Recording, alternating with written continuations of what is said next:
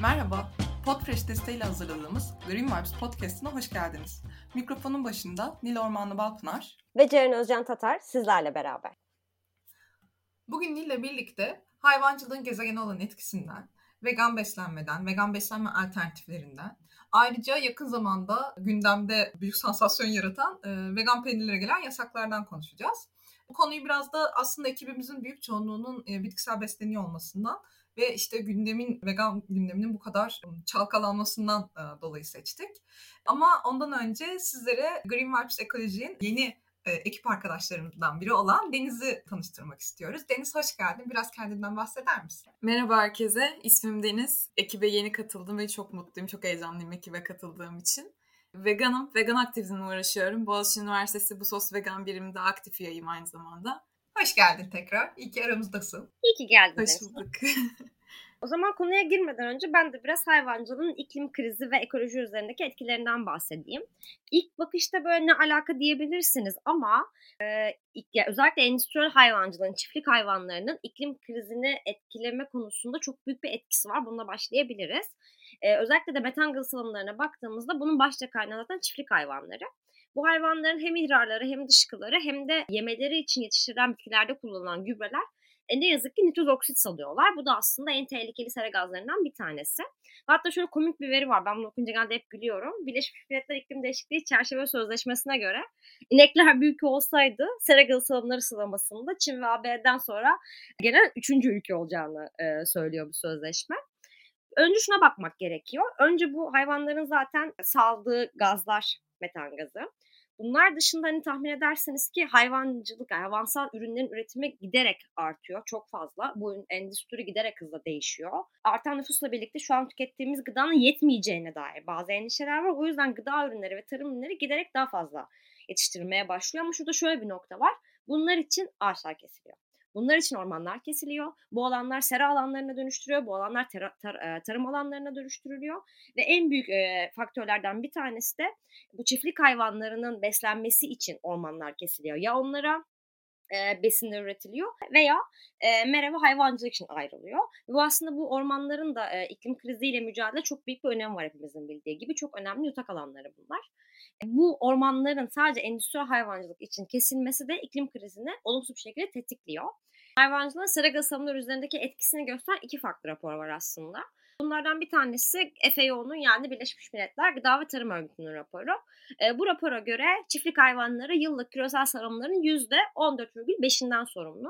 Ki bu e, oranda yıllık 7516 milyon tona, teka, e, milyon tona tekabül ediyor. Fakat bu hesaplamalar sadece ormanların yem bitkileri ve otlaklar için açılmasından kaynaklanan karbondioksit oranını ele alıyor ormansızlaşma sebebiyle yutulamayacak karbon miktarını dahil etmiyor. Ayrıca hayvanların saldığı e, gazları da bu hesaplamalara dahil etmiyor. İkinci rapor ise World Watch Institute'un raporu.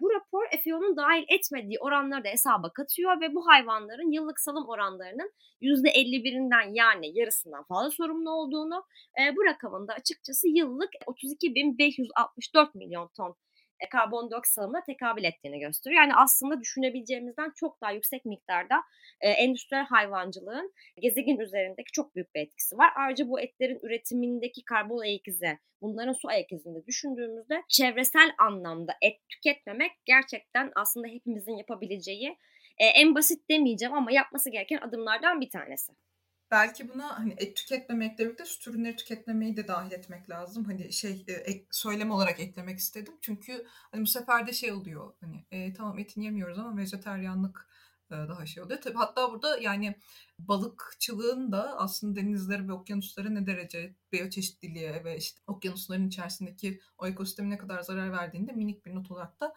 eklemek lazım diye düşünüyorum. Bir de e, şunu konuşalım istiyorum biz vegan beslenmeye çalışan, işte bitkisel beslenmeye çalışan bir ekip olarak neler tüketiyoruz günlük hayatımızda? Yani illa her şeyi marketten mi alıyoruz? Yok işte kendimiz mi üretiyoruz? Nasıl gidiyor bu süreç?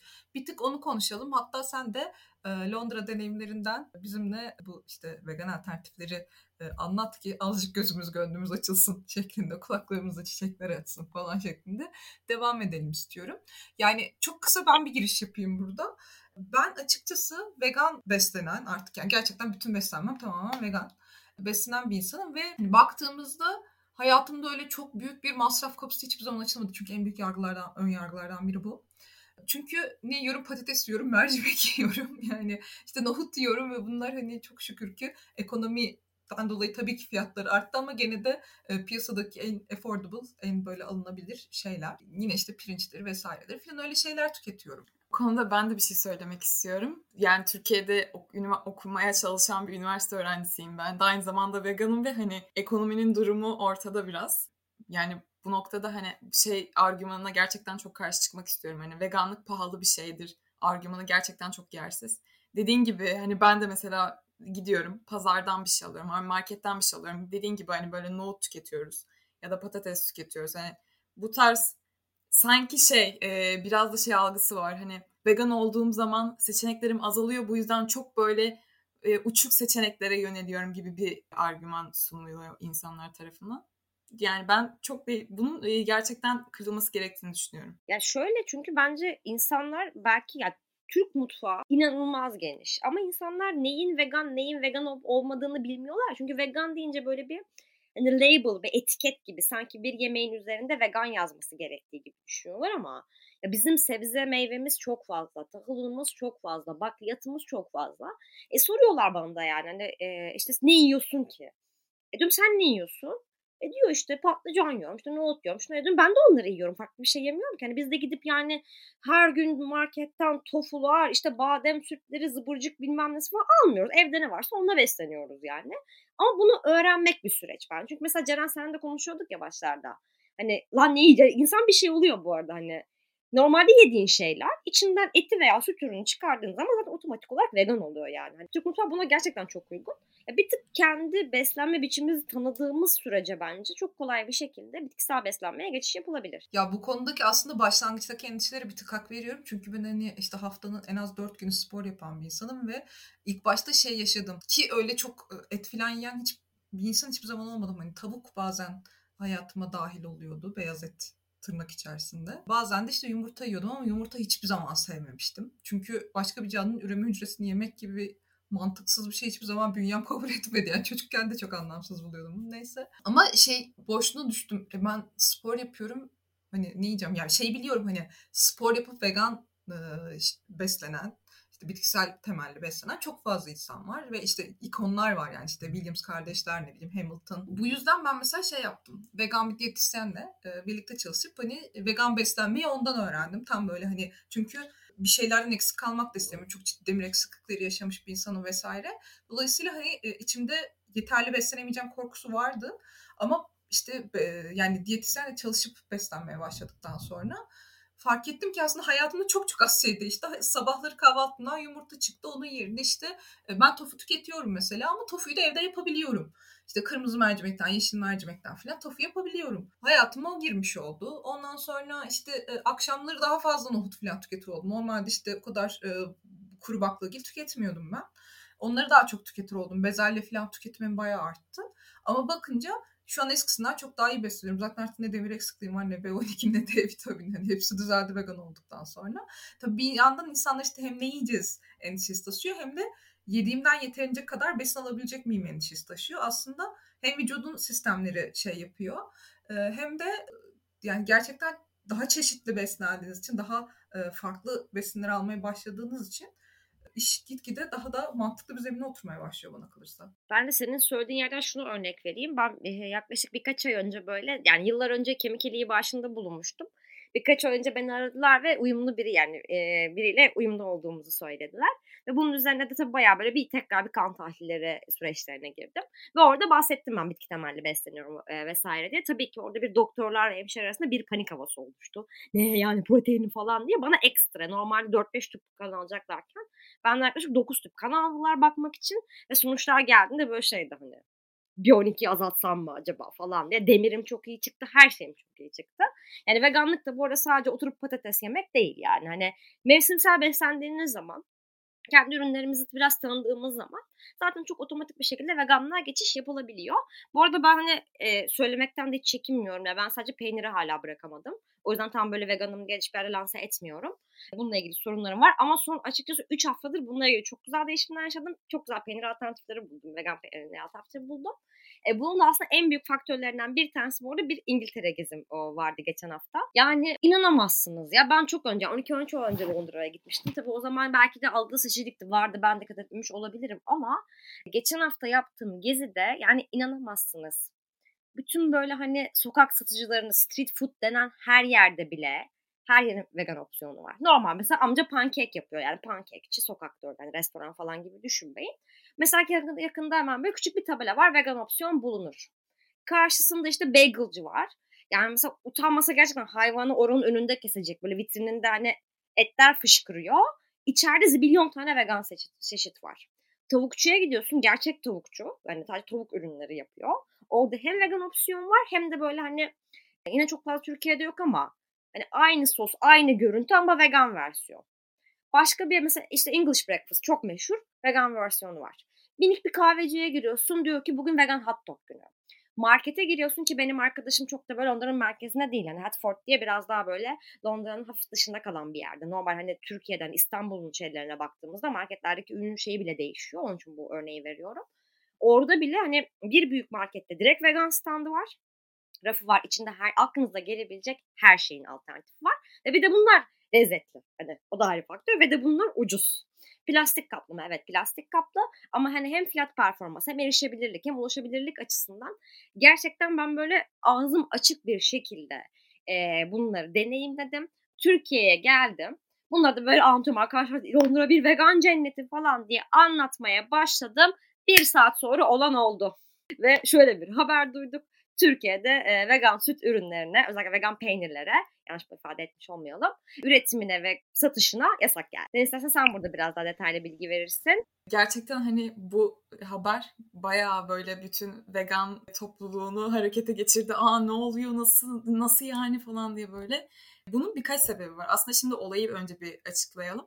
Şöyle ki bazı markalar hem vegan peynir üretimi yapıyor hem de vegan olmayan peynir üretimleri yapıyorlar ve herhangi bir markete gittiğinizde hani bunların satışında olan marketlere gittiğinizde genelde bunlar yan yana duruyor. Ve bu da bazı insanların kafasını karıştırır bir duruma evrilmiş.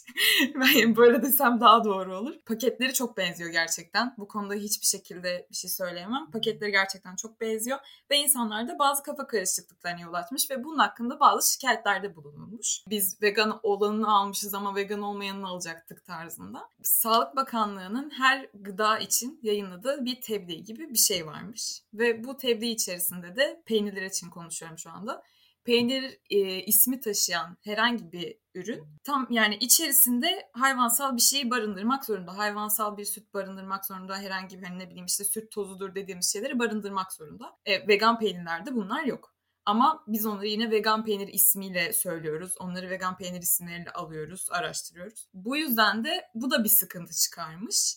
Ve artık vegan peynir yani tebliğde yazmadığı için ve aslında tebliğ vegan peynir için ayrı bir şekilde bulunmadığı için de bu da bir sıkıntıya yol açmış. Bu yüzden şu anda vegan peynir yönetici şeyleri, üreticileri çok pardon sadece internet üzerinden sosyal medyadan işte bize ulaşabilirsiniz. Buradan alış, alım yapabilirsiniz tarzında açıklamalarda bulundular. Bu bence halledilmesi gereken bir şey. Çünkü yani e, tamam her gün almıyoruz. Onları her gün tüketmiyor olabiliriz ama sonuçta yani bir seçenek olması gerekiyor. Nil'in anlattığı gibi İngiltere'de gerçekten bir sürü yurt dışında bir sürü seçenek varken hani Türkiye'de bunlar var. Son 20 yılda bu arada gerçekten çok arttı seçenekler. Hala da artmaya devam ediyor ama böyle bir engel çıkması bence çok kötü. Ve şu noktada saçmalık var. Yani illa bu arada hani vegan bes hani vegan vegan beslenenler de bunları tüketmiyor. Hani bu bir sağlıklı gıda erişimine bir e, engel aslına bakarsanız. Çünkü hani kendi arkadaşlarımızla konuştuk. Hani WhatsApp grupları zaten hani hepimizin böyle bir çalkalandı bu yasağın gelmesiyle birlikte. Hani normalde vegan beslenmeyip sadece laktoz intoleransı olduğu için de vegan peyniri, vegan süt ürünleri tüketen bir sürü insan var. Ve bu müdahale aslında bir e, bireyin sağlıklı gıdaya erişiminin yasaklanması gibi bir şey. Çünkü mesela hep de yanlış hatırlamıyorsam Buğday Derneği'nde bununla ilgili bir kampanyası vardı. Doğal sütlerle ilgili. Sen önce e, etiketlerin üzerine doğru olmadığı halde doğal, organik bilmem ne yazılmasını engellersin. Ondan sonra vegan yazınca kandırmakmış, kandırmamakmış. O da ondan sonra tartışırız zaten. Bir de şöyle bir durum var. Bu arada hani bu yasak geldikten sonra ben hemen Türkiye'ye getirdiğim ürünlerin üstüne baktım. Evet hiçbirinin üzerinde peynir, yağ, salam gibi şeyler yazmıyor. Hep böyle işte slice, sürülebilir falan gibi İngilizce kelimeler var. Hani ama madem insanları yanıltmak istemiyorsun şöyle yaparsın. İnsanlara işte 6 ay 1 yıl süre verirsin. Dersin ki etiketlerini değiştir. Tamam onlar da bunu yaparlar yani. Hani madem insanlar kanıyor. E ama işte dediğim gibi ona gelene kadar mesela doğal sütü biz tartışalım. Doğal bilmem ne işte anne elinden değmiş gibi olan yemekleri, gıdaları, üzerinde organik yazdığı halde organik e, sertifikası olmayan ürünleri tartışalım. Çünkü öbür türlü baktığında insan sağlığına direkt olarak e, etki eden bir durum yok. Ama öbürlerinde mesela pestisit dolu, şeker dolu, bilmem ne dolu ürünleri doğal diye e, pazarlayan bir endüstri var. İlk önce gelip bence bunları tartışmak gerekiyor. Yani zaten etikette gördüğüm şey gerçekten doğal diyor ama asla doğal değil. Yani ya da mesela gerçekten o e, süt endüstrisinde o şeyleri, üretimleri yapılan ürünleri mesela arka planını asla hiçbir şekilde öğrenemiyoruz. Bu tamamen bizden saklanıyor. Ki neler neler dönüyor. Aslında et endüstrisinin tamamen süt endüstrisine bağımlı bir şekilde gerçekleşiyor falan. Hepsi birbiriyle bağlantılı aslında. Bir de şeyi eklemek istiyorum. Artık bakanlıkların bu konuda veganlık, veganizm hani bu tarz artık hani veganlı tanımaları gerekiyor. Gerçekten koskoca bir bakanlıksın ve her ülke için geçerli bu. Ona hakim olman gerçekten bu topluluğu hani vegan topluluğu artık bir şekilde o gıdaları da ne diyeyim normalleştirmek mi diyeyim artık hani bu noktaya getirmesi gerekiyor. Çünkü diğer peynirler için bir tebliğ varken bir gıda işte kuralları konmuşken onlar için vegan ürünler için böyle bir şey yok. Aslında bu da tamamen sektörü, vegan ürün sektörünü aslında çok büyük bir engelleme yapıyor yani. Bir de hani şöyle bakmak lazım olaya. Yani İngiltere'de bu arada hani e, muhteşem saygısından mı yapıyor, neden yapıyor? Tarşı bu pazar. Bu çok ciddi bir pazar. Vegan ürünlerin çok büyük bir pazarı var ve pazar gitgide büyüyecek yani. Hani biraz bu hani madem saygı duymuyorsun ya da önemsemiyorsun ya da hani e, varlığını kabul etmeme aşamasına geliyorsun. Bir de bunu düşünmek lazım. Yani çok büyük bir pazar var orada. Ve giderek hani vegan beslenen, bitki temelli beslenen, iklim temelli beslenen insan sayısı da giderek artıyor. Ki bence süt ve süt ürünlerine alerjisi olan insanların da sayısı giderek artıyor. Hani en azından bunu bir pazar olarak görmek bile aslında bir başlangıç olabilir. Çünkü bunları tüketen insanlar var yani. yani arz var, talep var. Bunun doğrultusunda bir şeylerin gitmesi gerekiyor. Ama e, Türkiye'de yine her şey tersine işlediği için Burada böyle bir e, komik bir durum yaşadık sevgili Ceren. Ya gerçekten bir de ben o gün telefonumla da çok az ilgilenebiliyordum. Ve şeyim böyle bir anda şey zannettim. Her şey yasaklandı. Hani sütü de yasaklandı, topusu da yasaklandı. Ben hani anlamaya da çalışıyorum bir yandan. Sonra anladım ki hani süt ve süt ürünleri şeklinde anlamıştım. Sonra anladım ki sütler dahil değilmiş. Hani çünkü ben mesela çoğu şey evde yapmaya çalışıyorum ama her zaman vegan sütleri yapmaya yetişemiyorum ev içerisinde. Dolayısıyla bazen hazır aldığım da oluyor. Onlar yasaklansaydı gerçekten elim ayağıma dolanırdı. Çünkü ben hani çok küçüklüğümden beri ciddi bir süt tüketicisiyim. Dolayısıyla hani ilerleyen yaşlarımda bilinçlenmemle birlikte ekolojik anlamda bunu tamamen bitkisel sütlere geçirmiştim ve benim için hala temel gıdalardan biri süt. Ama tabii ki artık bitkisel sütler benim için temelde ve yasaklansaydı çok üzülürdüm. Birçok insanın da benzer korkular yaşadığını da farkındayım. Ha, ya bir yandan da buna çözüm nasıl olabilir diye düşünüyorum. Evet hani üstünde dedin ya Londra'daki hiçbir şeyin üstünde peynir şu bu yazmıyor. Ya da işte tebliğe peynir yazıyorsa tebliğe dahil olması gerekiyor vesaire. Bazı vegan ürünlerde özel beslenme, özel besin, özel beslenme gıdası gibi bir etiket oluyor mesela. Hani galiba öyle bir şey üzerinden bu çözülebilirmiş gibi geliyor. Yani ben her zaman olduğu gibi gene sorundan ziyade çözümü nasıl olur diye odaklanmaya yanaşıyorum daha çok. Hani en, en azından hızlı bir şekilde bu böyle çözülemez mi? Yani artık evet dediğiniz gibi gerçekten bakanlığın bu konuda duyarsız olmaması gerekiyor.